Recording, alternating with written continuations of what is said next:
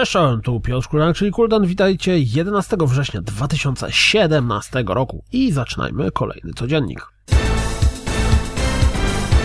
Pojawił się zwiastun Oriental, Oriental Empires. Nie wiem, czy chciałem powiedzieć Oriental Express, czy pewnie dlatego, że jest Orient Express. W każdym razie Oriental Empires. Jak sugeruje nam opis pod filmikiem, gra ma być połączeniem cywilizacji i Total War. Brzmi ciekawie. Gra 5 października trafi do sprzedaży, a Techland szykuje pudełkowe wydanie. Pojawił się kolejny zwiastun, czy też dziennik deweloperski Hoba. Tym razem skupia się na bardzo specyficznych znajdźkach, jakie przyjdzie nam zdobywać. Po której stronie opowiecie się w South Park The Fracture Butthole? Kto ma ochotę zamoczyć kija grając w Rapala Fishing Pro Series? Pojawił się zwiastun Metroid Samus Returns. Czekacie na ten tytuł? Okami HD w wersji na PlayStation 4, Xbox One i PC dostała klasyfikację wiekową w koreańskim odpowiedniku PEGI. Ciekawe kiedy oficjalne potwierdzenie. Na TGS-ie?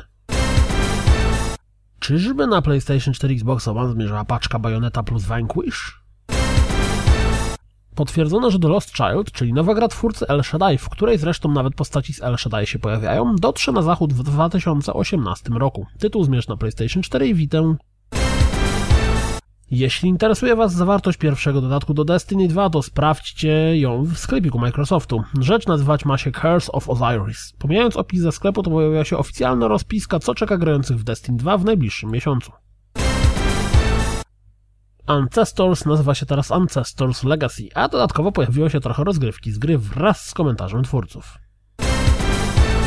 Wiedźmin 3 Gigon dostanie update wspierający 4K dla PlayStation 4 Pro i Xbox One X. W najbliższy weekend, jeśli ma być dokładniej to 15 i 16 września, odbędzie się otwarta beta Raiders of the Broken Planet na PC, PlayStation 4, Xbox One. Tydzień później gra będzie miała premierę, co oznacza dostępny za darmo prolog, czyli te same dwie misje, które będą teraz w becie oraz pierwszą kampanię mającą kosztować około 10 euro. W trakcie specjalnego streamu zapowiedziano Magic the Gathering Arena. Pod tym adresem możecie zapisać się do zamkniętej bety gry. Patrząc po rozmowie, którą przeprowadził Eurogamer z Yu Suzuki, raczej nie ma co się spodziewać, że Shenmue 3 będzie miało szybko premierę. Kiedy już wszyscy uznali, że Sniper Ghost Warrior 3 był kompletną finansową porażką, pojawił się raport finansowy, z którego wynika, że CI Games jest teraz w dużo lepszej kondycji finansowej niż było w zeszłym roku. Jeśli interesuje Was Code Vine, to warto sprawdzić ten materiał IGN-u, w którym twórcy opowiadają trochę o swoim dziele. Komu komu trochę rozgrywki z Super Mario Odyssey. Interesujecie się Marvel vs. Capcom Infinite? No to rozgrywka prezentująca wszystkie super ciosy w sam raz dla Was.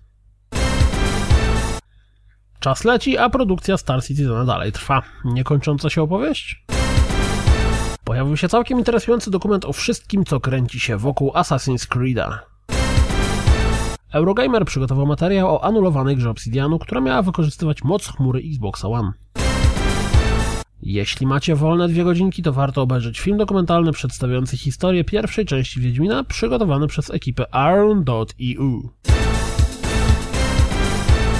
To wszystko na dziś. Jak zawsze dziękuję za słuchanie. Jak zawsze zapraszam na www.rozgrywkapodcast.pl Jeśli doceniacie moją pracę, wesprzyjcie mnie na Patronite i mam nadzieję słyszymy się jutro. Trzymajcie się. Cześć!